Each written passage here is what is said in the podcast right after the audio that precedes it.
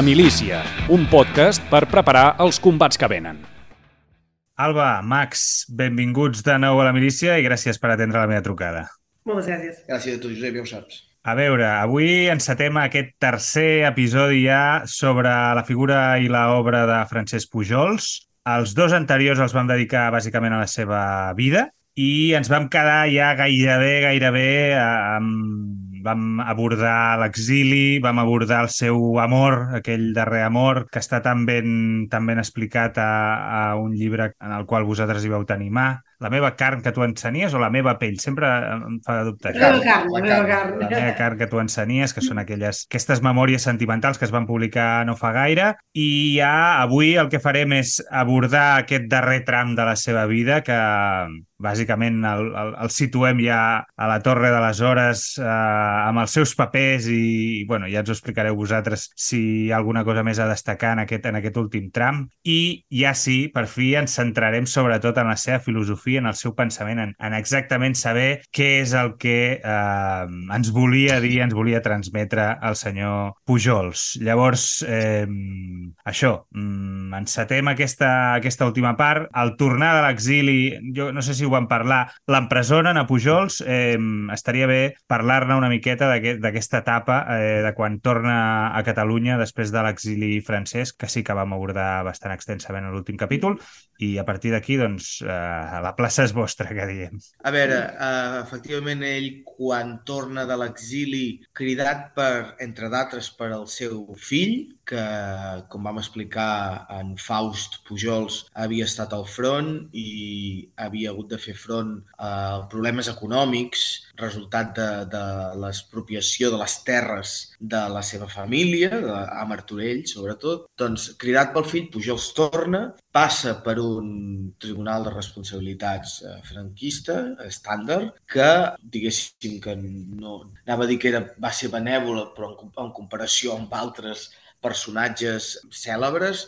També és veritat que Pujols no havia tingut una, un paper polític directe, eh, directe sí, per tant, no hi ha problema. O sí que, però, tot i així, passa a la presó, si no m'equivoco, un mes, una un cosa mes així, sí. a, a la Model. De fet, hi ha l'anècdota, se sap, que va escriure a, a persones de la seva confiança, amics que encara estaven a Barcelona o a altres llocs de Catalunya, els hi va escriure una carta dient eh, estaré a la model per a allò que els pugui convenir. Eh? I aleshores, com amb tota normalitat, eh, comunicar la seva, la seva tornada i amb l'humor que el va caracter, caracteritzar. De fet, de, per, per anècdota divertida, la que s'explica respecte al moment en què va sortir de la presó, perquè sembla ser doncs, que van a trobar no sé si era un guarda o el director o alguna cosa així, li va dir, bé, vostès, jo ja marxo, però vostè es queda. que és una mica Sí. el que hem dit tots els nostres professors quan marxem de l'escola no? o de Sí. l'institut, doncs Pujols ho va dir a la presó. És curiós perquè d'aquesta etapa eh, en tenim més aviat anècdotes. De fet, Sí. és segurament el moment en què el personatge Pujols es comença a forjar tal com el coneixem.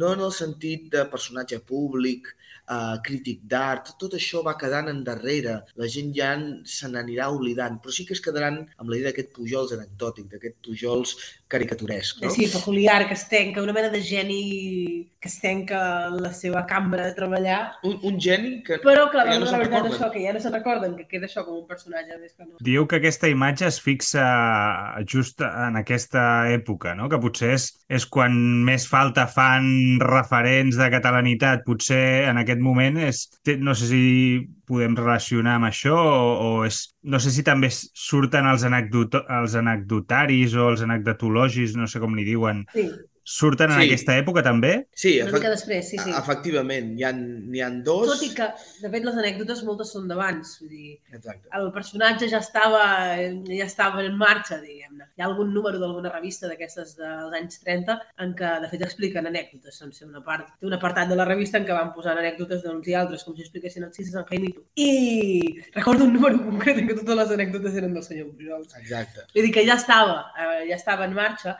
el que passa és que, bueno, en aquesta darrera etapa és quan el seu caràcter més peculiar, els seus caràcters més peculiars es van accentuant d'alguna manera. Es tanca a fer la seva feina, en el fons. Sí, aquí hi ha, un, hi ha un procés curiós. Jo crec que, per un costat, uh, la gent que el coneixia, la gent que el, que el venerava com un intel·lectual, són a l'exili. Per tant, mm, aquesta no gent... interlocutors, en el mateix sentit, clar. Exacte. Segon, hi ha un relleu generacional que ja no se'n recorda i com que Pujol ja no té espai públic a Barcelona pràcticament, doncs ja no és ningú, ni tan, tan sols queda aquella idea de que era un senyor divertit, un senyor interessant.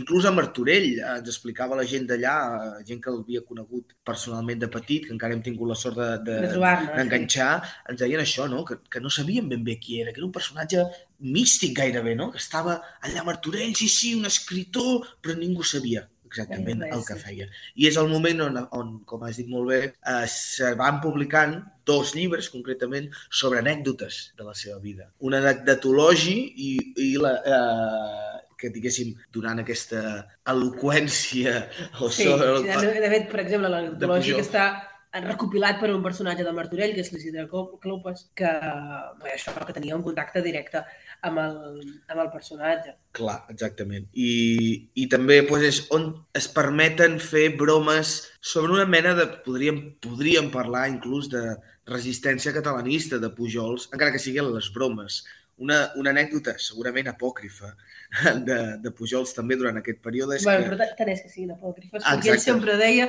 que si ja li agradaven se les quedava. Exacte. Per tant, bé... És igual, però per això és més interessant sí. a nivell de col·lectiu, no? Com la gent s'anava sí. fent aquest personatge, sí. no? Diuen que durant el seu judici, aquest judici que el va portar a la presó, el judici, el, el jutge li va preguntar jura decir la verdad, solamente la verdad, i Pujols diu, hòstia, ja, ja m'agradaria saber-la, no? Soc filòsof, m'estic dedicant, o sigui, encara, encara estic buscant la, la veritat. No li puc dir encara, senyor jutge, la veritat, no? Llavors, tenen aquestes, aquestes bromes, no?, eh, que estan associades aquí, però que té interès. En qualsevol cas, el Pujol que coneixíem s'ha acabat. I s'ha acabat perquè ell també decideix que s'ha acabat. Sí, sí. Que s'ha acabat. Ja vam parlar de la insistència que Josep Pla li havia fet per publicar una biografia, etc. Pujols no vol saber gairebé res d'això. Pujols decideix personalment tancar-se a casa seva, que, que ha aconseguit poder-la mantenir, i dedicar-se íntegrament a la seva obra filosòfico-religiosa dic aquests dos termes, i no només filosòfica, perquè cada vegada durant aquest període li donarà més i més importància a la faceta religiosa i a ell com a fundador d'aquesta nova religió. I aquí Pujols eh, anirà adquirint, eh, diguéssim, una, diguéssim, una autoimatge de si mateix molt interessant, però en el moment en què està més sol que mai. I com, això, com ho sabeu, realment... que, que adquireix aquesta autoimatge? Vull dir, que, que en base a què, què us... Clar, això es fa explícit, per exemple, molt clarament a la meva carta de 12 dies, que ja vam explicar el context de redacció d'aquesta obra. De fet, és l'any 1954 que ell l'escriu. Uh, l'escriu quan ja fa, per tant, uh, més, de, més de 10 anys que torna a ser a Catalunya, que està dedicat a la seva obra amb cos i ànima. I ell es veu a si mateix com un salvador de la filosofia es, eh, em parla en termes de destí de la seva, de la seva obra filosòfica. I, i això, la, la meva carn és possiblement el lloc més explícit, perquè a part de, de tractar les seves memòries sentimentals, el que també fa és fer un tractament molt peculiar de la seva pròpia història vital, de com tot la boca a arribar a redactar aquesta obra que, està, que té en marxa, però no només això. Per exemple, eh, el llibre d'Artur Ladé, eh, el Francesc Pujols per ell mateix, té com a petit anexa, diguem-ne, una mica de cartes eh, que van acompanyar o que són prèvies a la publicació del propi llibre, en què també es fa explícit aquesta obsessió de Pujols per acabar la seva obra. Això es torna, es torna una constant en, totes les, en tots els testimonis directes que tenim. No, no, és que jo estic tancat fent això perquè això és el més important del món. I, no, i gairebé diu i gairebé no em molestin. És a dir, no molestin, exacte. No, no li agrada tampoc massa rebre visites. Hi ha de ser algú molt interessant, dels vells temps, per poder riure una mica, però poca cosa més. És a dir, sabem de primera mà, per als testimonis tant escrits com encara vius que hem pogut parlar, que és que s'aixecava al matí i es posava a escriure i s'anava a dormir, es veien passar tot el sant dia filosofant. És a dir, s'ho va prendre molt i molt seriosament. És curiós. de fet, com a, com a mostra de que es passava tot el sant dia escrivint ja, la pròpia Torre de les Hores que està vull dir que hi ha l'arxiu de la Fundació Francesc Pujols, hi ha els documents inèdits de Pujols, que la immensa major part daten d'aquesta d'aquesta darrera època i és una quantitat absolutament ingent de paper. És una quantitat ingent d'obra filosòfica. Correcte.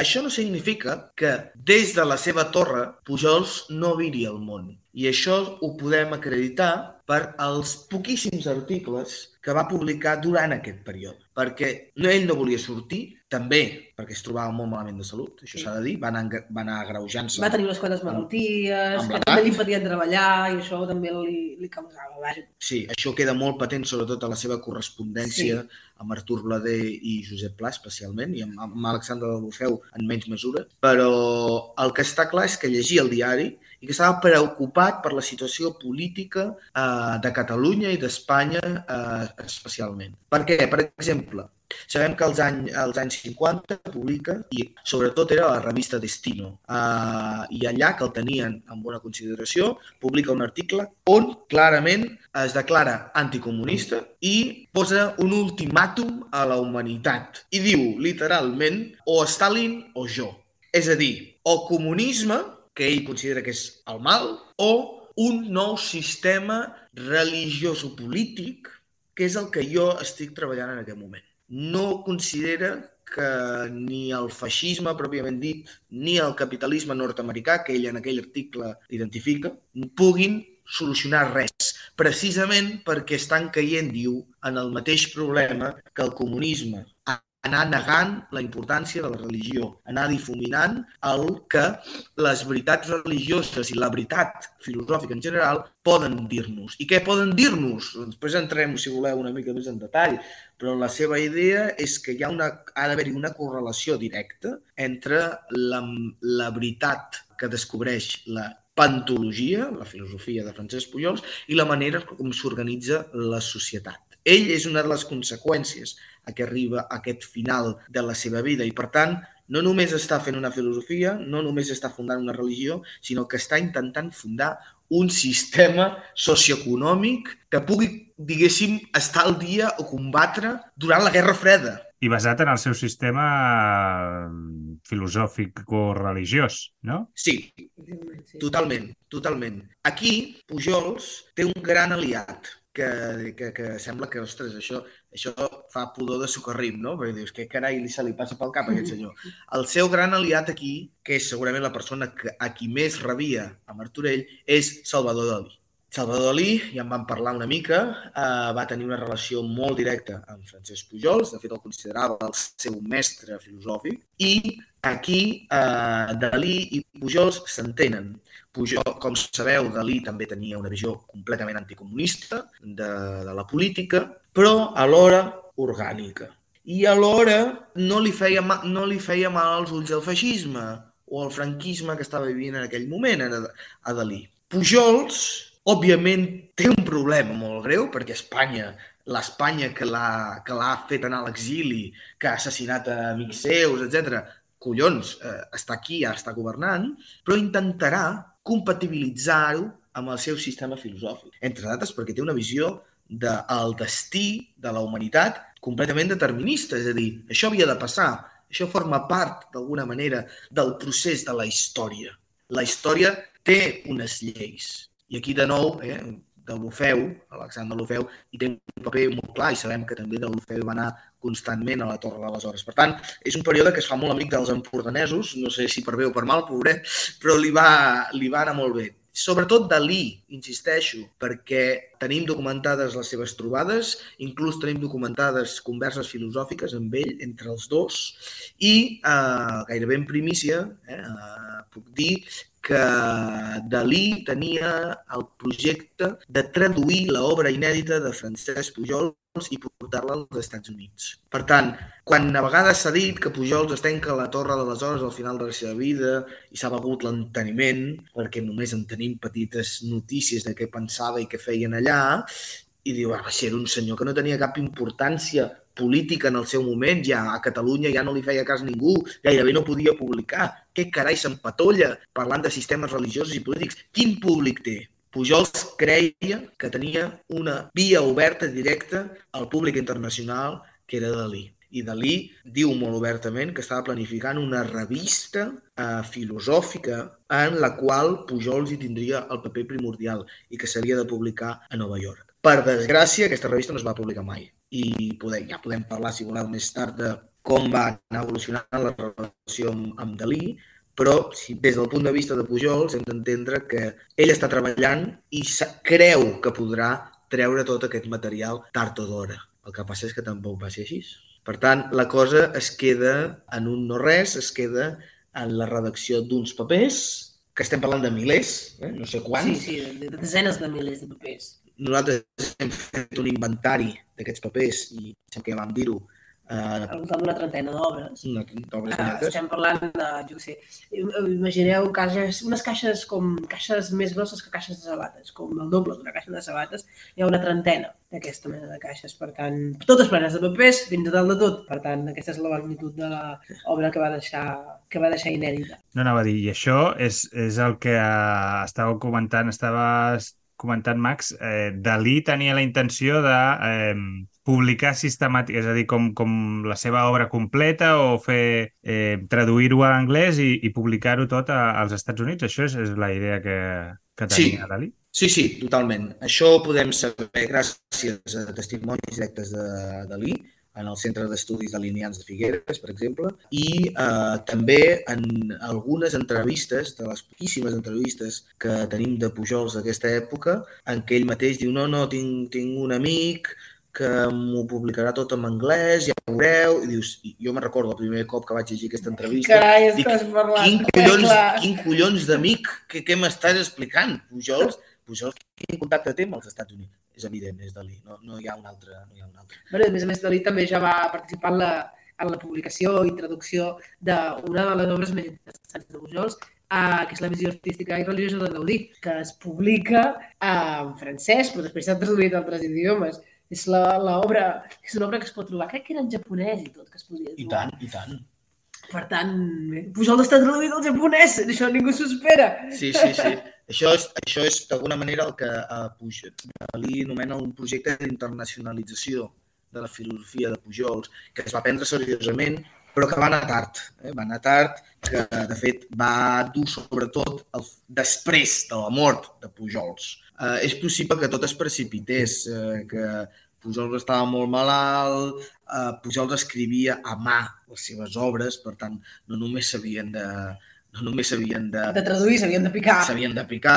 a més a més, la immensa major part de coses que ha no són obres tancades en el sentit de que simplement s'hagin de picar, sinó que fa falta una tasca uh, d'ordenació de les idees, etc etc. Són com apunts per obres, més aviat, el que hi ha. Exacte, exacte i Pujols, que mor l'any 61, doncs efectivament té aquí, el, el pilla ja a Dalí, el pilla molt de sobte i sabem que Dalí estava molt trist per aquesta mort. Per tant, eh, el que dèiem és que el, el projecte aquest eh, de Dalí eh, de publicar l'obra de Pujols als Estats Units doncs va quedar... Malgrat que sí que va col·laborar en, en poder arribar a, a publicar el llibre sobre, sobre Gaudí, no? a, a França, pel que dèieu, eh, i que després ha sigut traduït al japonès, cosa que doncs, està molt bé. Eh, el projecte aquest, que era potser una cosa molt ambiciosa, no, no va fructificar, no? No, no va fructificar. Sí que, sí que eh, sabem, però, que moltes de les idees que Dalí va expressar al llarg de la seva vida i la seva obra, políticament parlant inclús, també venen de Pujols. I només una anècdota per il·lustrar-ho. Eh, sabem que eh, Dalí diu que l'última vegada que, amb què es va trobar amb Pujols, no sabem exactament quan, però és probable que sigui a principis dels 60, va, Pujols li va demanar un últim favor a Dalí. I aquest favor va ser que pogués comunicar-li directament a Francisco Franco el projecte polític de Pujols. I és a dir, que Pujols tenia la, tenia la idea de que havia trobat una solució política per a Espanya i diguéssim que l'única manera que se li acudia de poder accedir al poder directament durant la dictadura doncs és Dalí. Dalí sabem que va transmetre el missatge a Franco en una de les reunions dient-li que Pujols l'havia convençut que calia restaurar la monarquia espanyola. Uh, com sabeu, és un moment molt complicat per al franquisme, quan uh, la Falange està dient que no cal eh, restablir la monarquia, alguns altres defensen que sí, etc. És un debat molt complex que s'esté en aquella època i Pujols, que devia seguir-ho pel diari, s'hi fot, s'hi fot a través de Dalí i diu sí, una monarquia, perquè el sistema filosòfico-religiós de Pujols, del final de la seva vida, necessita d'un rei. Considera que la figura del rei és molt important. Què passa? Que, òbviament, el rei no té res a veure amb un rei monàrquic tradicional cutre. I això eh, Dalí també ho deia claríssimament. Dalí es declarava monàrquic sempre, però en el moment en què vas a llegir quina és la teoria monàrquica de Dalí, llegeixes les coses que diu i hosti, això no té res a veure amb la monarquia, pràcticament res, o amb una idea molt, molt diferent. Ell parla de la monarquia còsmica i, efectivament, aquesta és una idea molt, molt pujolciana, que el rei representa les lleis de la natura, el curs filosòfic dels esdeveniments i, i fa que la societat s'organitzi a partir del coneixement de la veritat i de la naturalesa. Si voleu en parlem més endavant, eh? una mica més de detall, però la idea, dic, ve directament de Pujols. No, jo crec que amb això podríem acabar el, el periple vital. Eh, Pujols mor al 1962, no? Per tant, tu estaves explicant que, que aquesta, aquesta, aquest intent de traslladar a, a, a través de Dalí, de traslladar el seu missatge a, el dictador a, a Franco eh, doncs, fructifica i això té lloc a finals dels 60, el que estaves dient, no? Per tant, segurament. No, sí. O principis. Val. Ho dic perquè, eh, perquè potser ens podem agafar amb aquesta cosa. Eh, tu has dit eh, Dalí i en Pujols passa contínuament, eh, parla d'una cosa però en realitat el vocabulari que fa servir, el, el, que ell, el que per ell vol dir, no té res a veure amb el que segurament vol dir per, per nosaltres o per la resta de gent, no? Llavors, sí. això potser pot ser una entrada per parlar, per començar ja amb el pensament de, de Francesc Pujols. Eh, vosaltres, eh, en el vostre llibre, que ja he recomanat eh, en, cada, en cada capítol, ho he anat recomanant i, i, ho, i ho faré també amb aquest, que es diu Una introducció necessària al pensament de Francesc Pujols, eh, vosaltres feu com una introducció, una introducció a la introducció en què aviseu dels perills o d'allò que hem d'anar de, mm, en compte a l'hora d'enfrontar-nos de, amb aquesta obra de pensament. Una d'elles ja l'hem tractat, que és la, aquesta cosa de, de no prendre seriosament a,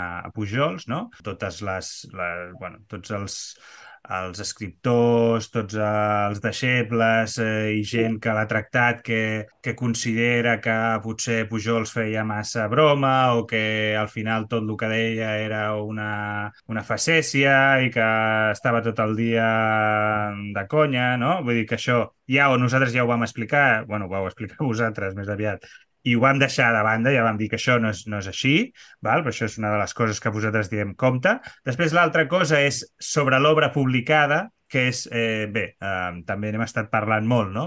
Té una obra ingent eh, escrita i la publicada, doncs bé, en els últims anys, eh, també gràcies a la vostra ajuda, gràcies a la Fundació Francesc Pujols eh, i a moltes a diferents editorials eh, i a la voluntat de, de diferents persones. S'ha anat publicant alguna cosa eh, d'alguns llibres dels que hem, hem anat parlant i, per tant, doncs, bueno, sembla que això de l'obra eh, sembla que es comença una miqueta a solucionar. I mm. després hi ha una altra qüestió que és aquesta del vocabulari. És a dir, quan llegim a Pujols, eh, hem de tenir en compte que el vocabulari que ell fa servir mm, no vol dir, les coses que ell fa servir no volen dir el que normalment eh, vol dir començant potser perquè és la ciència o perquè és la religió. No sé si, vull dir, no sé per on voldríeu començar, eh, però eh, o per la monarquia mateixa. Eh? És una cosa que sorprèn molt, perquè, de fet, que si ens entres a Pujols eh, sense advertir, d'alguna manera, o si entres a Pujols per segons quins, eh, quines escaires, acabes trobant, doncs, això, que Pujols sempre els termes Déu, vida futura, catolicisme, monarquia, jo què sé, coses d'aquesta mena, no? Que, que, per exemple, podrien fer passar per un filòsof, jo què sé, ultracatòlic i monàrquic en un sentit usual del terme. Cal un esforç d'interpretació, de, de veure quan sorgeixen aquests conceptes, etc etc etc. I sobretot eh, cal posar de manifest que Pujols té com que té en tal alta consideració la seva pròpia empresa filosòfica. És a dir, té la sensació que està fent uh, una, una cosa importantíssima. Uh, el que està fent també és com restaurar el significat dels termes filosòfics. És a dir, ha de fer servir els termes que sempre s'han fet servir i els ha de donar un nou significat que estigui més acord al seu pensament, és a dir, que estigui més acord per ell a la veritat. Per tant, eh, per tant hi ha aquesta mena d'esforç d'interpretació que és sempre que és sempre necessari. Això és particularment el cas eh, quan es tracta més de la filosofia al voltant de tot el que té a veure amb la qüestió religiosa, que és una qüestió que em sembla particularment interessant del seu pensament. Sí, parlem de religió. Home, però ja comencem aquí, que és complicat d'entendre això, perquè uh, religió en quin sentit? No, religió són simplement unes conseqüències filosòfiques d'un determinat, del seu sistema filosòfic respecte a A, a B i a C, que són Déu, l'ànima i la vida futura. Per tant, ja tenim un sentit particular de religió, que exclou fins i tot la fe. No has de tenir fe en la religió de Pujols. Al contrari, de fet, ha d'haver-hi un convenciment intel·lectual, si és que hi ha d'haver-hi alguna cosa. El mateix concepte de Déu, Déu que mm, al manual d'hiperxiologia es queda, queda de difícil definició, però que pràcticament queda identificat amb la matèria. Ostres, és un Déu molt diferent del Déu, del Déu cristià. Per tant, després això, a la que digui alguna cosa al voltant del catolicisme sempre s'ha de matisar. Ah, quan parla de l'ànima, en quin sentit parla de l'ànima? Parla de l'ànima en un sentit personal, per exemple, a la manera, a la manera usual eh, en què jo què sé, en què hi ha una certa preservació de la identitat personal després de mort. Parla a la manera dels espiritistes amb els quals va conviure. No, en parla en un sentit molt més neutre, en què no hi ha memòria, en què no hi ha tal, en què simplement és una certa progressió de l'esperit al llarg de l'escala entobiològica fins a arribar a una mena de desencarnació, però sense identitat personal. Per tant, sempre cal això, doncs, una mena de glosari, com aquell qui diu, per anar com aclarint què vol dir i mantenir-ho al cap, sobretot, perquè si no és molt fàcil que a qualsevol moment donat vas llegint i et descuides i dius ai, ara què, ara què m'ha dit, no? És, fixeu, ell ho planteja de la manera següent. El que estem fent amb el vocabulari és construir el vocabulari filosòfic clàssic, el definitiu. Fins ara cada filòsof li ha volgut dir aquests termes el que li ha donat la gana. Cadascú ho deia i això era un campi qui pugui. Pujol diu, els termes que ha utilitzat la filosofia i la teologia, els dos, perquè, per exemple, el terme àngel, òbviament, eh, és més teològic que filosòfic, han de tenir un ús contemporani i, sobretot, definitiu, clàssic. Per tant, diu, jo creo el vocabulari filosòfic clàssic no vol dir que se'n vagi als grecs, eh? sinó que està inaugurant una nova etapa de la filosofia. I per fer això té alhora un plantejament que en podríem dir eh, equidistant eh, amb els termes. Què vull dir? Té molt present Pujols a l'hora de donar aquesta visió del, del vocabulari que no pot caure ni en un costat ni en l'altre. És a dir, en política podríem dir les dretes i les esquerres, o en filosofia doncs, podríem parlar de termes més racionalistes o més empiristes, etc. No? No vol Pujols caure en cap de les posicions tradicionals, sinó buscar un acord definitiu, insisteixo, per al vocabulari. I inclús en, en, en política, ell mateix planteja la seva teoria, com deia abans, com una, com una tercera via. Ja sé que ara tot això, aquest vocabulari ha quedat molt, molt tatxat per la política nostrada, no? Però Pujols té la idea de trobar un, un, una mena de punt mig. Un punt mig, sí. eh, que dirien el, els, els budistes, de la tercer, una, eh, un tercer camí per sortir del, del caos de la història de la filosofia. Ell ve a posar ordre a la filosofia. Has de comprar el seu vocabulari, és clar. Sí, no, anava a dir, una cosa que, que passa molt és que quan comences a llegir llibres seus, a poc a poc ja et va... És a dir, cada cop et ressonen més, llavors vas entenent el que vol dir, no? Eh, a mesura que t'endinses en la seva obra, vas... Suposo que això passa una mica amb, amb tots els autors, no? Però et, et serveix per anar dient, ah, val, quan, quan parlava de quan parlava de l'hegemonia, eh, volia dir això, no? O quan parlava de... Perquè llavors aplica el mateix concepte, eh, el fa servir per coses diferents, però el concepte en si, no?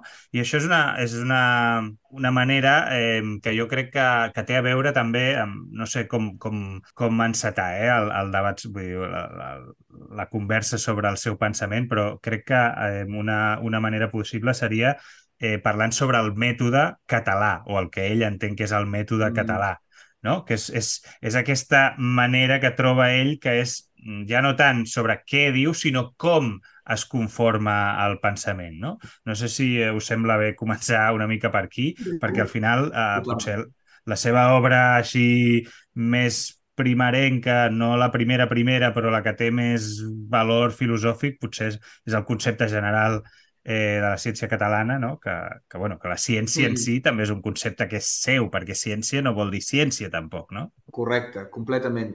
Uh, aquí hi han, com a mínim en Pujols, hem de parlar de dos, de diferenciar dues accepcions de la paraula ciència. El primer seria el que s'utilitzava ja en el segle XIX i que s'allarga durant a principis del 20, sobre el concepte de ciències nacionals. En deien ciències nacionals entenent per pensament propis de cada país. No? Ja vam estar parlant una mica en un dels capítols de la idea de que Pujols tenia, pensava haver descobert quina era realment la manera en què els catalans filosofen per necessitat, pel sol fet d'haver nascut a Catalunya o d'haver, eh, diguéssim, relacionat amb, amb la història de Catalunya. Aleshores, aquest, eh, aquesta seria la ciència catalana, la manera d'aproximar-se a la veritat dels catalans, que és la bona, diu Pujols, és la definitiva també, és la que els hi ha faltat a tots els filòsofs. Però, per altre costat, lògicament, Pujols també parla de ciència en el sentit usual del terme, és a dir, el que ell concretament anomena les ciències empíriques.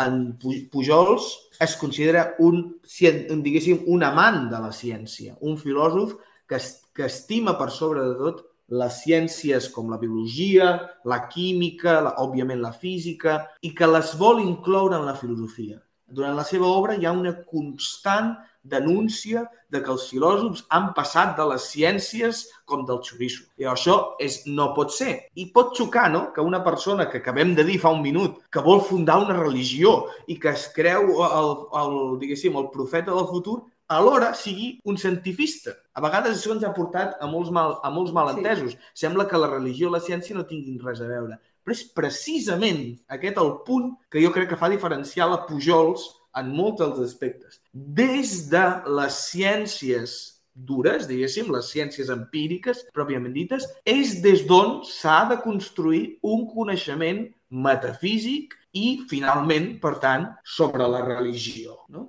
Eh, hi ha una... Té uns articles, Pujols, per exemple, també, eh, molt interessants, que ataca, això sí, a una ciència que no li agrada gens, que, són, que és les, són les matemàtiques. Diu que les matemàtiques són l'antimodel de la filosofia i que, de fet, és un dels grans errors que han comès els filòsofs de tots els temps, intentar mirallar-se en les matemàtiques a l'hora de filosofar. En lloc d'emmirallar-se en les ciències, en les ciències empíriques. Té tot un discurs en contra, en contra de la fragmentació de les ciències empíriques. El que ha de portar la filosofia és un diàleg, és una fusió, és una unió d'aquestes disciplines en un sol discurs, una mena de ciència universal. Efectivament, fixeu-vos, ell he dit que parlava de ciències empíriques, però a vegades utilitza... Parla de ciències particulars.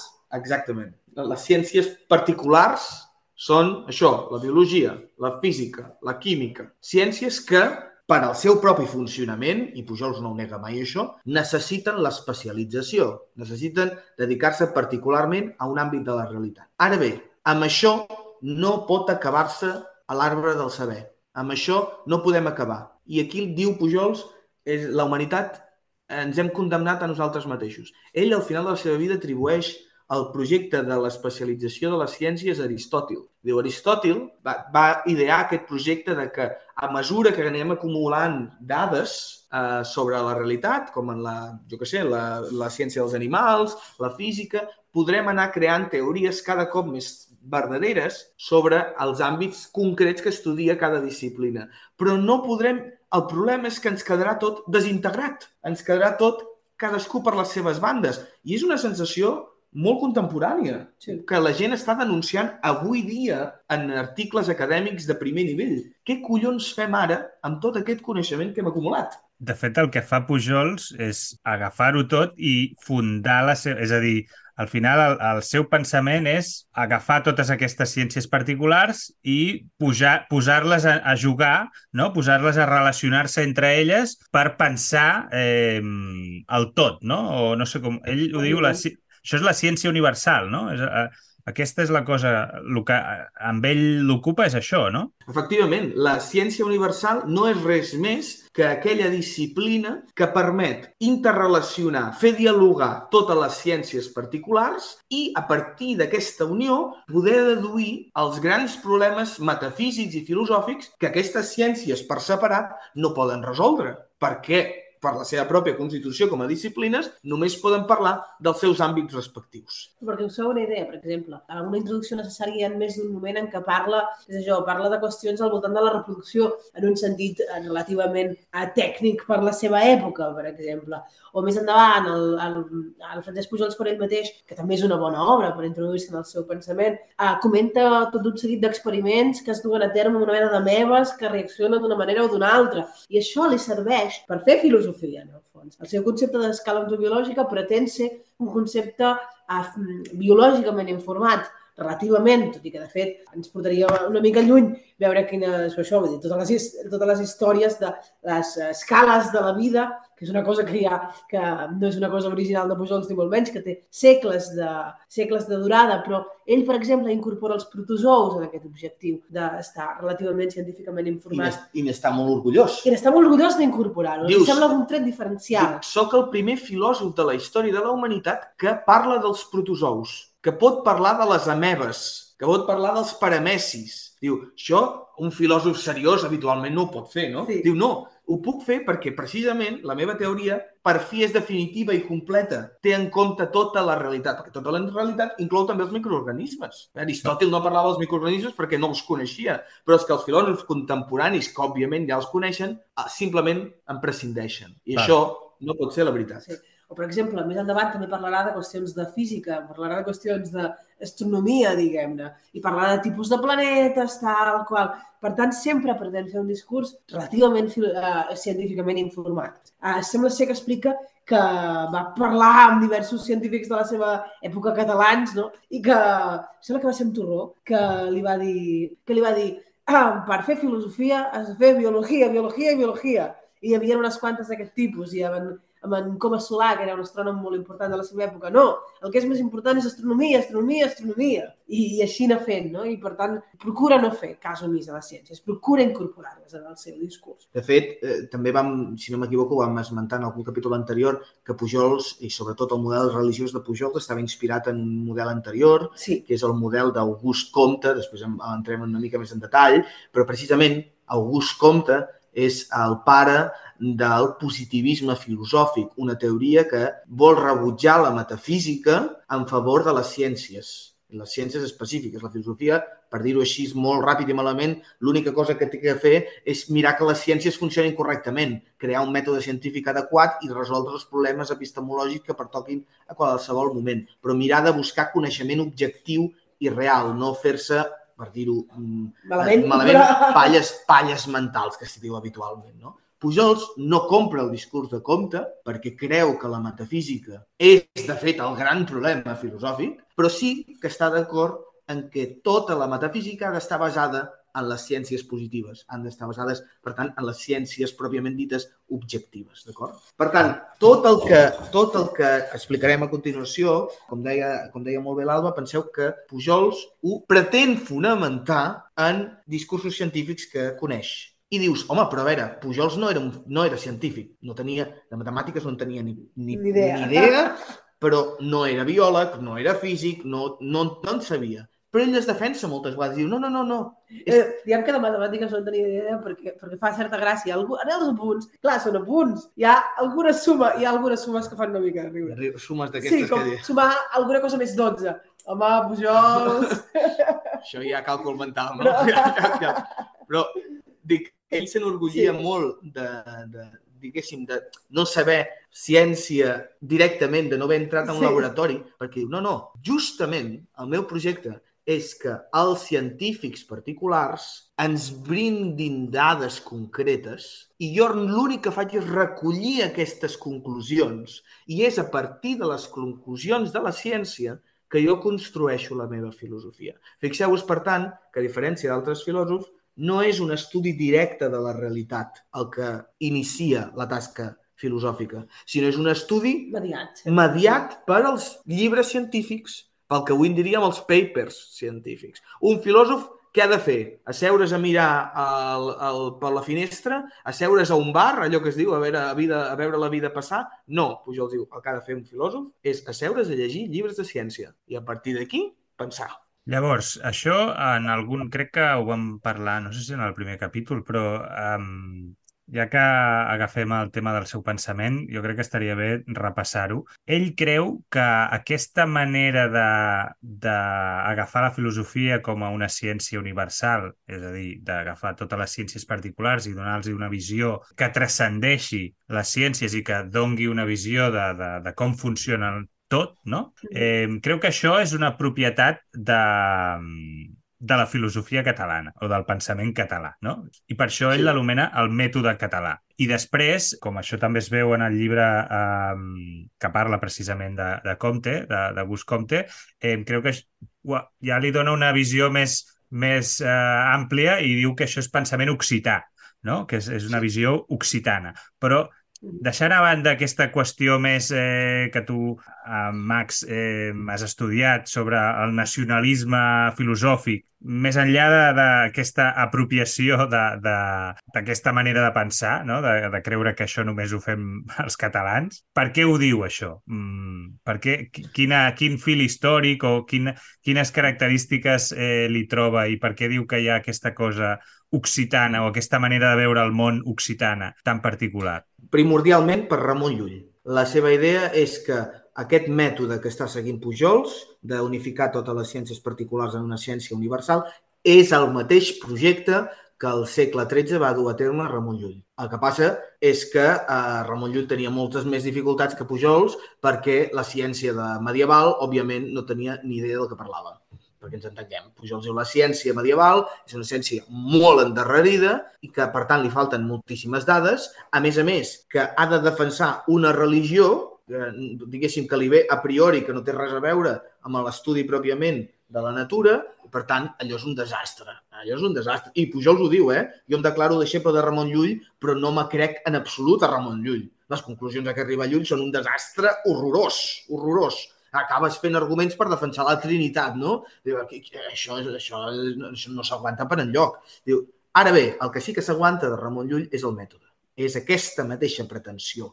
I tots els filòsofs, ell diu, que han seguit a Ramon Llull, sigui d'una manera o d'una altra, participen d'aquest projecte. I, per tant, en aquesta mesura se'ls pot anomenar filòsofs catalans pensadors que segueixen el filòsof català més important i que més tradició filosòfica ha sentat als països catalans. Per fer-ho per fer reduït, aquesta és, la gran, aquesta és la gran qüestió.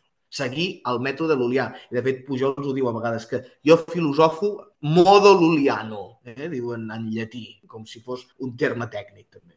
L'altre, clar, aquí també hi ha un altre element que, que heu comentat així de passada, que és eh, això de l'escala de la vila, l'escala de la vida, que ell l'anomena a la seva li diu escala ontobiològica. I això també ho treu de, de Llull, no? Sí, Llull tenia... Llull, efectivament, eh, com que sembla, eh, segons la interpretació de Pujols, que no és l'estàndard, diguéssim, l'ortodoxa, eh, efectivament, Llull fa aquesta mena de síntesi de totes les ciències i un dels resultats que obté és aquesta escala de la vida. Pujols, de fet, resumeix el mètode lulià o el mètode català en tres, en tres passos. En diu, un primer pas és una anàlisi. Una anàlisi de què? De la naturalesa directament? No, insistim. Una anàlisi filtrat, indirecta, per les ciències particulars. Jo analitzo el que les ciències em brinden, les conclusions a les quals arriben les diferents disciplines. Jo què faig? Les analitzo. Un cop tinc aquestes dades, passo a la segona fase del mètode, que és la síntesi. La síntesi no és res més que agafar aquestes dades i mirar de que quadrin. Què ens, què ens venen a dir totes, totes juntes? I aquesta síntesi, com bé dius, Pujols seguint l'estela de Llull, la concreta en aquesta escala ontobiològica. Ara, si vol, en parlem amb una mica més de detall. Però, i, com veurem, el tercer pas és uh, una deducció. A partir de la síntesi, a partir de l'escala ontobiològica, poder deduir coses que les ciències particulars no ens poden dir, no ens poden donar. Especialment parlar dels problemes metafísics, d'acord? També s'ha de tenir en compte que el concepte, el concepte d'escala de la vida, certament, eh, Llubljeskin l'inaugura i després tindrem a Viuda, etc etc. però que cap a finals del 19, coincidint després de la publicació de l'origen de les espècies i de l'origen de l'home de Darwin, aquest concepte, d'alguna manera, eh, reflota en uns certs cercles filosòfics. És a dir, es fa una mala interpretació, es pot dir, es pot dir clarament, de la teoria de Darwin i es fa una mena de uh, jerarquia de la vida que s'ordena i que uh, es classifica. Per tant, acabem fent una mena d'escala informal, que a vegades es teoritza directament com a escala. Vull dir, Pujols n'és un exemple, entre d'altres, una escala en què tindríem a certes formes de vida suposadament més senzilles, al fons, en aquest cas Pujols no, no ho fa tan directament per una qüestió de complexitat conductual, no ho fa tan directament com una qüestió de um, filogènica, sinó de complexitat conductual, però que tindríem sempre en aquest tipus d'escales aquesta mena d'ordenació per complexitat i aquesta mena de situar uh, l'home a dalt de tot com el ens més evolucionat de la creació. Pujols hi afegirà un graó més, que serà aquesta, aquest esperit descarnat, que serà aquest àngel, però eh, s'ha de també situar en aquest context científic particular que fa reflotar aquesta mena de, de manera de filosofar que pretén incorporar la realitat biològica complexa del món, però malentenint a Darwin i ordenant-lo jeràrquicament. Sí, contemporàniament a Pujols, un dels personatges filosòfics més importants que ho fa és uh, Henri Bergson, Bergson com el gran filòsof francès que, que de fet també participa d'aquest debat nacionalista que parlàvem abans i que per ell, ell parla de la filosofia francesa, Bergson també, és a dir, que és una cosa de l'època, efectivament, per filosofar se'n va a la biologia, se'n va a Darwin... I, I parla d'evolució. I, parla, I té la seva pròpia teoria. És a dir, que en aquest sentit Pujols pot dialogar completament amb... Amb moltes altres persones de la seva època que agafen Darwin perquè en el fons les idees de Darwin tenen, són un substrat molt, molt fructífer per una nova manera de filosofar. I l'agafen i en fan això, una filosofia més, en què l'home no és tant una excepcionalitat, sinó un cim. Exacte, exacte. Llavors, per resumir molt ràpidament, que dic, la, què, és, què és aquesta síntesi, aquesta escala? Què carai representa? No? Com sintetitzem totes les dades de la ciència? Pujols diu, ja primer hi ha una divisió que cal fer des de l'inici que la ciència ens brinda, que és entre la matèria inanimada i la matèria animada. Això és evident, hi ha una distinció molt forta que ens apela directament i que sembla sub qualitativament substantiva, és a dir, hi ha un canvi molt bèstia entre la, a les pedres i els éssers vius. No?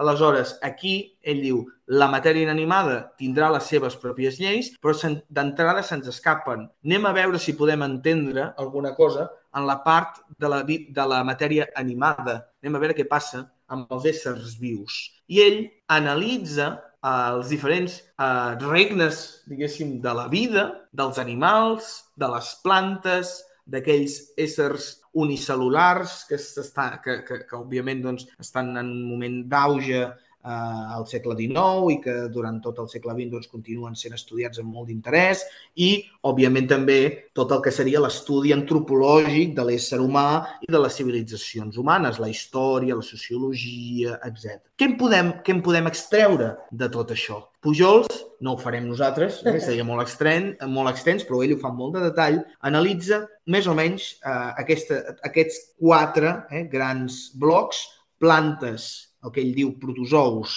el que després diu ell animals, per fotre-hi tot, eh? i éssers humans, i conclou que hi ha unes diferències qualitatives molt importants.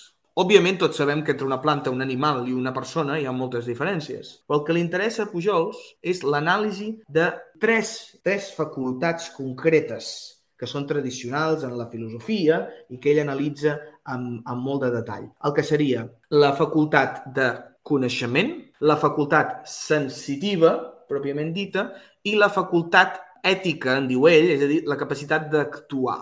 Fixem-nos, no? Hem d'anar a veure què fan les plantes. Les plantes actuen, doncs... Difícilment podríem podríem dir-ho. Actua, si actuen, actuen de manera molt reduïda, de manera molt mecànica, no? Sembla, no tenen una intenció gaire clara, una planta o, po o poca cosa, no? Ara, per exemple, té un, el que Pujols anomena un aparell sensitiu, bueno, relativament desenvolupat, com a mínim inexistent en la matèria inanimada. Què vol dir un aparell sensitiu?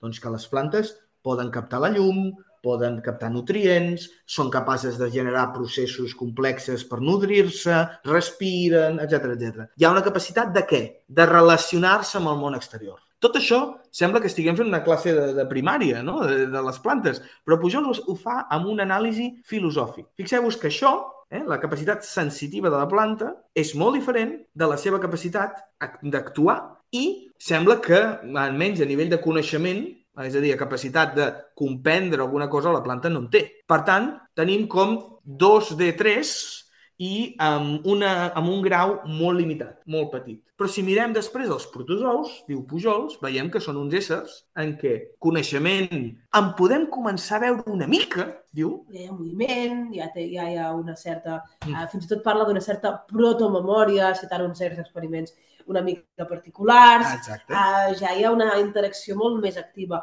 amb el seu entorn, etc etc. Això es fa molt més evident en el cas dels animals, i eh, que ja, bueno, ja tenen eh, memòria, ja tenen tal, ja tenen qual, i eventualment arribem al grau dels homes, de la humanitat, en què això arriba a la seva màxima esplendor. Eh, Pujols, però, fa un cert gir a nivell filosòfic a l'hora d'explicar això.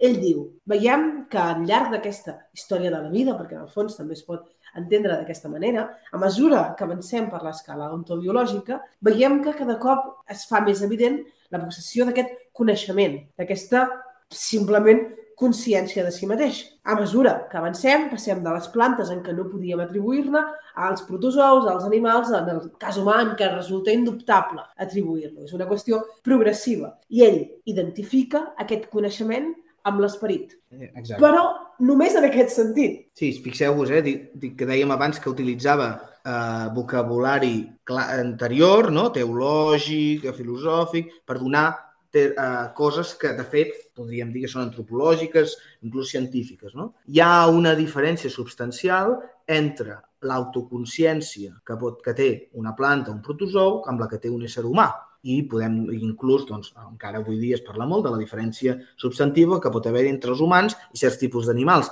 Tampoc no cal eh, anar tan enllà, sinó simplement dir una medusa i un ésser humà doncs, tenen una visió completament diferent com a mínim del món. Però fixeu-vos, eh? ara parlem del coneixement, però també parlem de la sensibilitat, com deia abans, i de la capacitat de fer coses, no? allò que els permet relacionar-se amb el medi. Uh, ara, és que has, has parlat de l'esperit.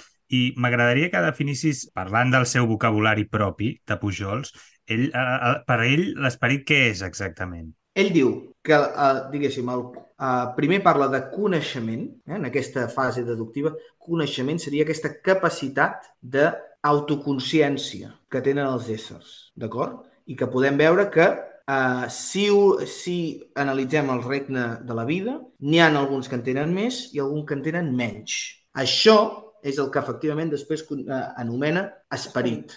Esperit. Per contraposició a la matèria, que és allò, vull dir, que és allò, bueno, la matèria en el sentit usual de la paraula, que és l'únic component de la matèria animada, de les pedres. Mm. Aquí, Pujols, eh, ell ho planteja sempre com en forma molt esclaonada. Si me vas seguint, no? hi ha unes fases i, i t'ho justificaré tot al final. La cosa és, en aquesta fase d'anàlisi i síntesi, diu, el, veiem que, el, que aquesta autoconsciència, ell en diu coneixement moltes vegades també, està distribuïda de manera molt diferent i que té una relació particular amb la matèria. És a dir, no coneixem cap ésser que no ti, que de moment no coneixem cap ésser que tingui coneixement però que no tingui matèria. És a dir, tenir autoconsciència requereix tenir un cos. Sí? Aleshores, podríem imaginar-nos que la consciència aquesta autoconsciència, el coneixement, és, ha de tenir una relació directa amb, amb, amb el cos i amb la progressió biològica dels éssers vius. Però, diu Pujols, quina és aquesta relació? Són idèntics? L'autoconsciència és material també? I podríem entrar en una teoria materialista, s'hauria acabat la teoria de Pujols. Ell dirà que no, i que el coneixement és precisament una, la facultat que ens indica que hi ha alguna cosa més enllà de la matèria, que hi ha alguna cosa que s'escapa a l'anàlisi científic materialista purament. És un dualista, Pujols. Creurà finalment en l'existència com a mínim de dues substàncies, la substància material i la substància espiritual. d'acord? Però quan estem fent aquesta anàlisi, insisteixo, ell no, no, encara no es mulla directament, estem fent una anàlisi del que hi ha. I si fem aquesta anàlisi i veiem que, com deia, n'hi ha alguns que en tenen més, alguns que en tenen menys, i no només això, sinó que es poden, podríem ordenar-los. I aquesta és la gènesi de la famosa escala ontobiològica. La, podem ordenar de menys a més el regne de la vida en funció de si tenen més sensibilitat, més activitat, podríem dir, capacitat d'actuar i autoconsciència. I aquesta ordenació, que a Pujol se li fa palesa des d'aquesta anàlisi filosòfic de les capacitats, de les facultats anímiques, en diu a vegades, són planta, protozou, en diu ell, eh? animals microorgànics, animals i éssers humans quan es tracta de després fer aquest esforç ja de més elaboració teòrica al voltant d'això i ja havent introduït el concepte d'esperit, ell dirà que tots aquests éssers, des de la planta fins a l'ésser humà, ja disposen d'esperit. Que l'esperit no és una cosa de quita i pont, que està des del principi, des de la gènesi de la vida mateixa. Però dirà, hi ha una relació particular entre l'esperit i la matèria, una relació diferent en cadascun d'aquests graons. Dirà, en les plantes tant una cosa com l'altra estan completament fusionades. Això impedeix que pugui expressar-se aquesta autoconsciència. A mesura que avancem, per aquesta escala que tècnicament té cinc graons, però és la versió simplificada, perquè a l'hora de la veritat hi ha un moment donat en què diu no, però és que es podria fer una, una mena d'escala de graf fi, una cosa molt més, partic, molt més precisa, en què s'ordenessin realment una espècie rere l'altra, rere l'altra, rere la més enllà. És a dir, una escala amb una infinitat de graons, amb cada cop expressant major complexitat conductual, és a dir, major coneixement, és a dir, major mm, sensibilitat, més, major sensibilitat, major capacitat d'actuar i a l'hora de la veritat major presència, major manifestació d'aquest esperit. I ens dirà, a mesura que avancem, el que es fa és que l'esperit i la matèria es van separant progressivament. I és per això que podem detectar, que podem veure aquesta major autoconsciència. Fixeu-vos no? que si és una escala de menys a més, estem parlant d'una progressió ascendent d'aquestes facultats, d'aquestes tres facultats. Però, diu Pujols, hem de, per, hem de poder explicar, per tant, per què hi ha una ascendència, per què hi ha un augment de les facultats. I ell diu, això només des d'un punt de vista material no sembla que es pugui explicar. Simplement hi hauria la història de la vida, que hauria generat infinites, infinita varietat d'espècies, però si hi ha un ordre és perquè està passant alguna cosa, una cosa amagada, una mena de relació metafísica. I és aquí quan ell, segurament és el punt crucial de tot el sistema filosòfic de Pujols, eh, es planteja, com l'Alba ja ens ha avançat, la possibilitat de que l'autoconsciència no sigui material. Si l'autoconsciència no és material, i ara miraré de donar algunes de les raons que dona Pujols,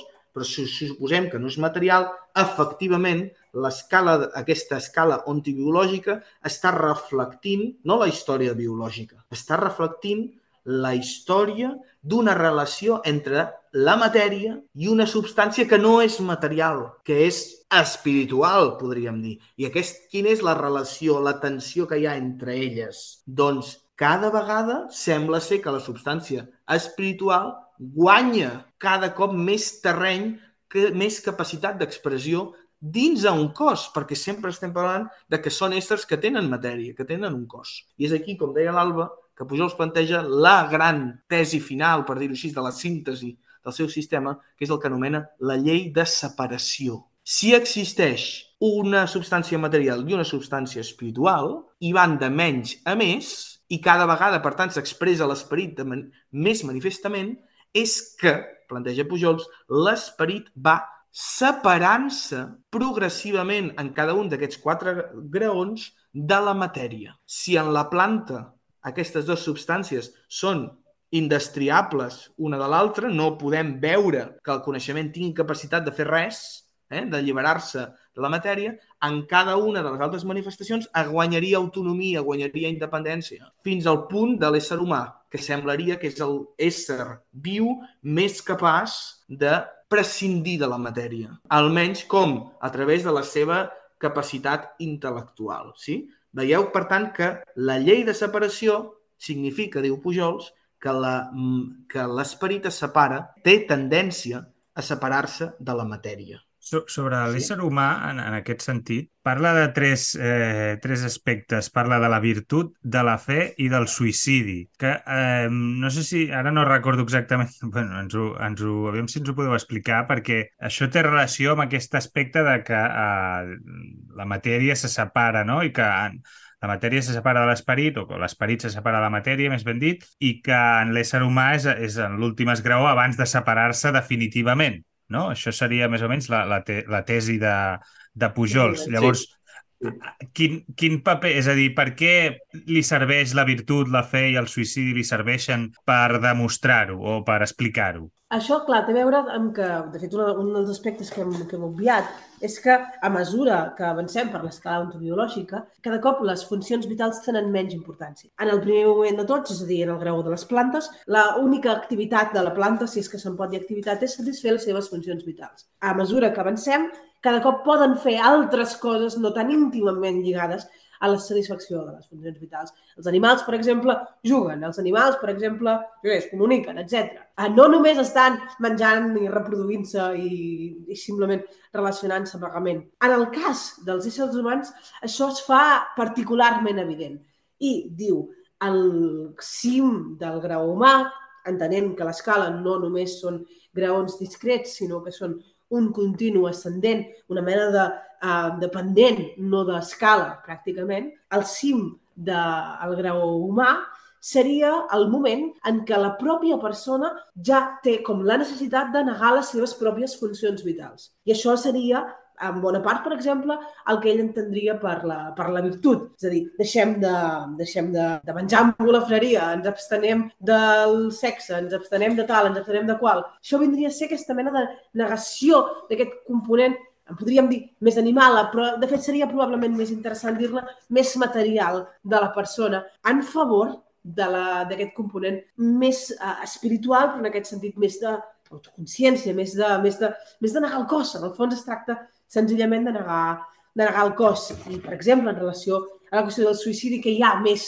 uh, més evidentment de negació del propi cos i de les pròpies funcions vitals que simplement acabar amb la pròpia vida d'un mateix. Ah, Fixeu-vos que l'esperit, a mesura que va separant-se de la matèria, diu Pujols, efectivament té tendència a negar la seva contrària. I fixeu-vos de nou el que estàvem dient, com, com estableix un vocabulari propi de la hiperaxiologia o de la pantologia a partir de vocabulari preexistent i anomena virtut, ni més ni menys que virtut, un dels termes més antics de la filosofia, a aquesta negació de les com ha dit, quan m'ha dit l'Alba molt bé, no? de, la, de les propietats bàsiques de la biologia, dels instints vitals gairebé. Clar, és que Aquella això persona- em, feia una mica de gràcia, perdona que t'interrompi, però quan ho Sí. estava llegint, clar, eh, és a dir, la negació de, de les facultats eh, materials no? eh, és, eh, eh, seria un signe d'autoconsciència, o un, no? Seria Sí. una mica... Encara Això- que porti cap a mal camí, però sí.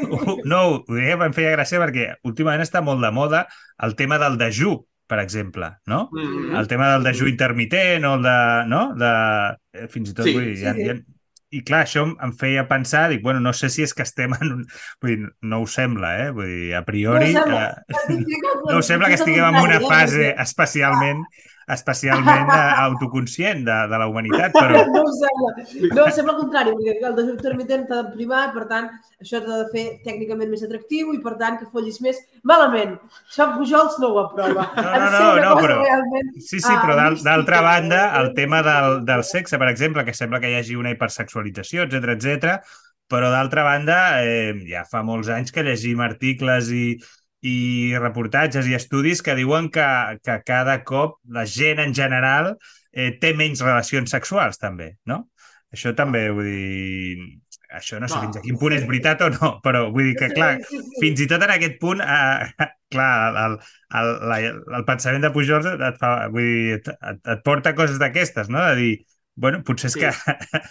vull dir, clar, no, no tindria per què ser així, eh? però, però em va fer gràcia quan, quan ho vaig llegir, quan ho explicàveu, perquè, perquè crec que està molt ben explicat, però perquè et fa et porta pensaments parado paradoxals una mica, no? A dir, Correcte. bueno, si, si deixes de, això, de, de satisfer les teves necessitats físiques, fisiològiques, estàs més a prop de, més a prop de, de, de l'autoconeixement. Però d'altra banda, sí. i aquí hi ha l'altra cosa, que és que en canvi Pujols és un gran, anava a dir, no sé, vull dir, un gran a, a, arot, vull dir que li agrada l'erotisme, que li agrada Sí. les relacions sexuals, li agrada el menjar, li agrada beure, li... saps? Tot això li agrada precisament, no? Vull dir, Això és, això és molt interessant, això que dius, aquesta tensió particular eh, al voltant d'aquesta mena de plaers, eh, diguem-ne, plaers de la carn en el sentit més ampli de la paraula. Eh, ell diu que, vull dir, el mecanisme d'anar pujant per l'escala com si estiguéssim en una mena de, de, això, d'aquestes eh, cintes transportadores que ens van enfilant eh, de mica en mica, és una cosa mecànica. Però com, du, com es du a terme aquest procés en el grau humà? Ell diu que en bona part té a veure amb l'estètica.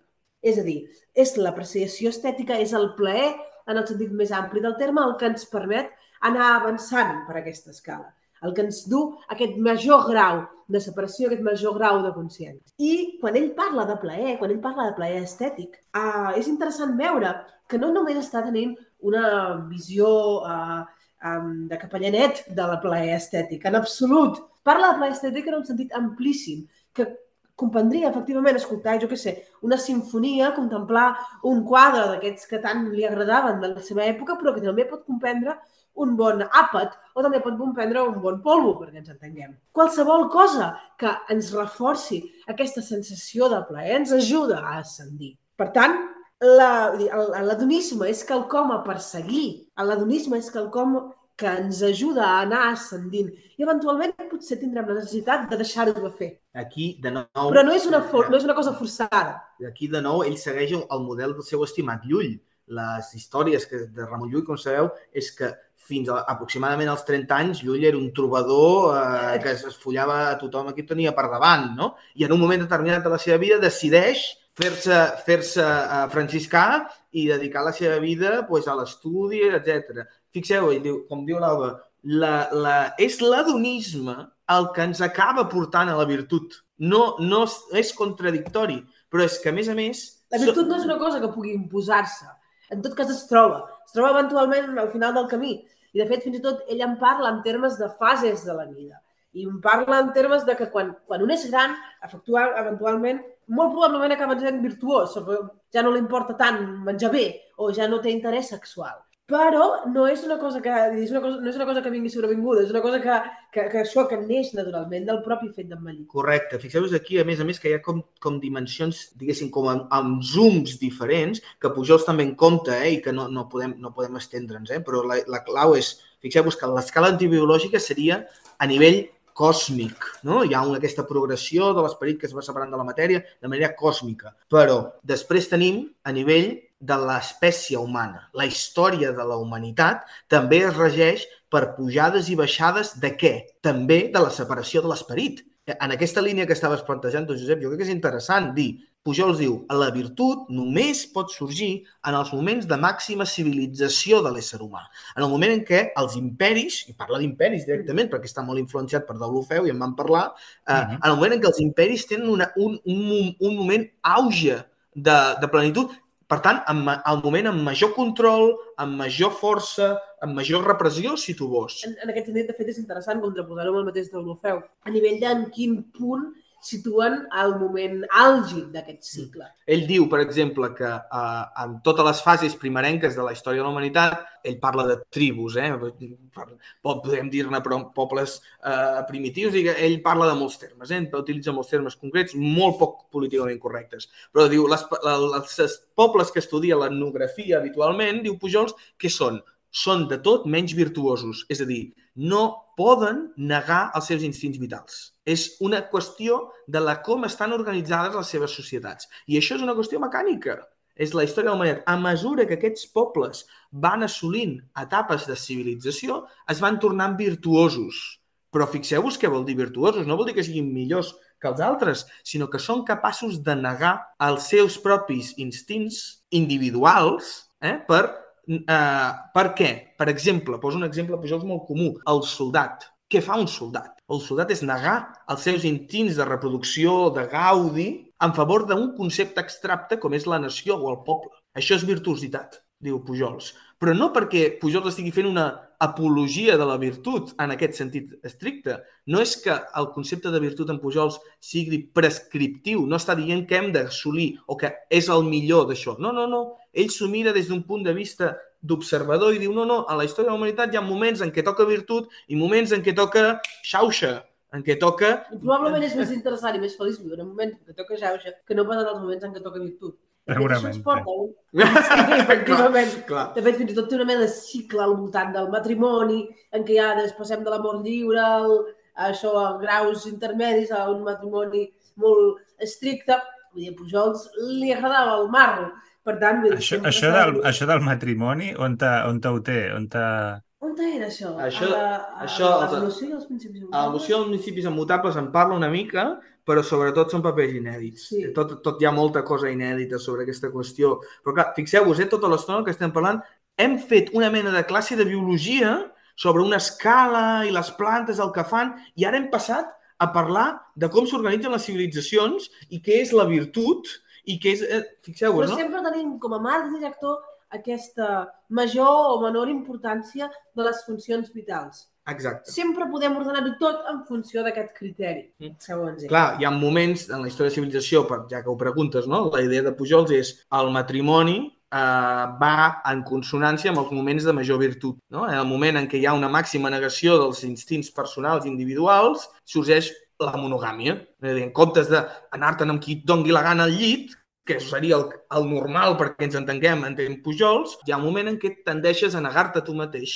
Perquè, però fixa't, perquè hi ha un... El teu esperit, aquella substància que no és del tot material, ha tendit a predominar en tu. I això passa a nivell còsmic, en la matèria, passa a nivell històric en els pobles i també passa a nivell de cada una de les nostres vides. I això ell també parla d'una mena de, com en moltes altres cultures, eh? en cicle de la, de, de la vida. No? El jove que eh, vol, només pensa en si mateix, que xauxa, sortim de festa, etc.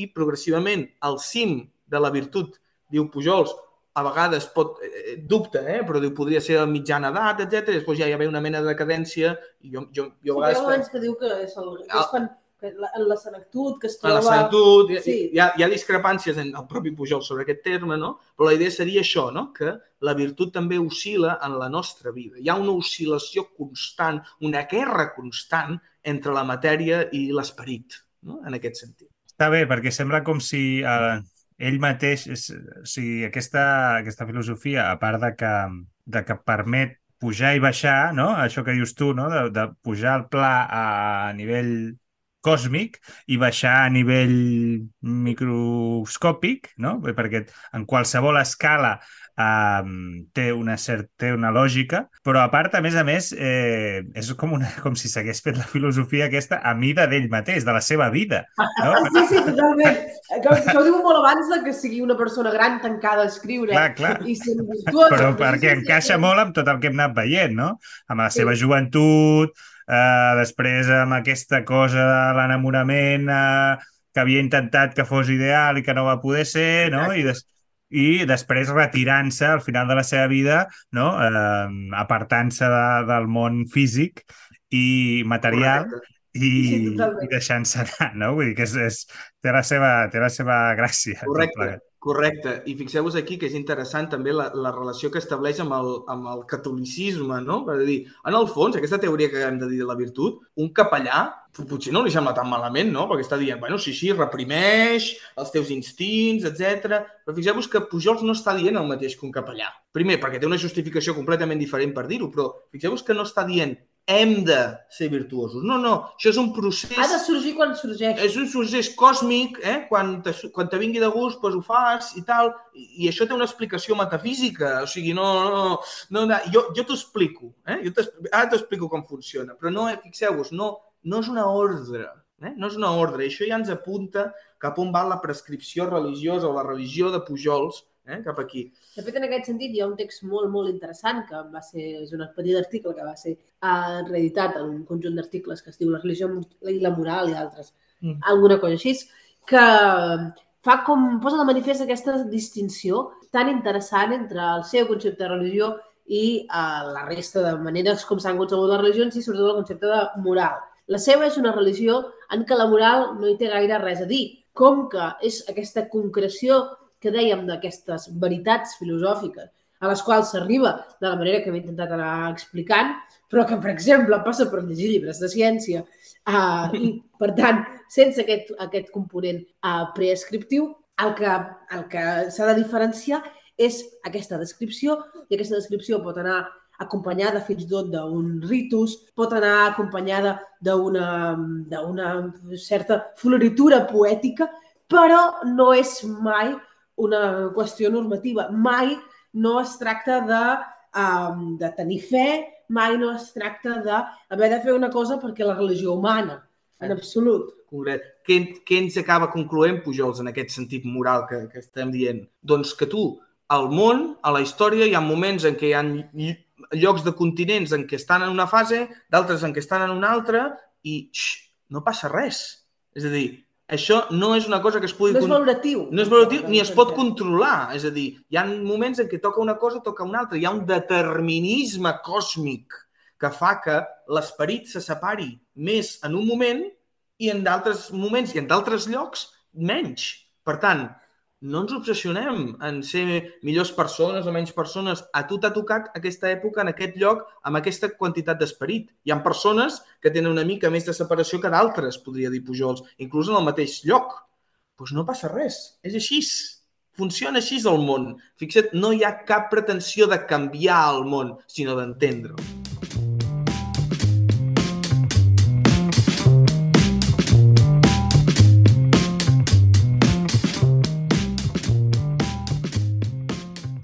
La milícia, amb Josep Asensio.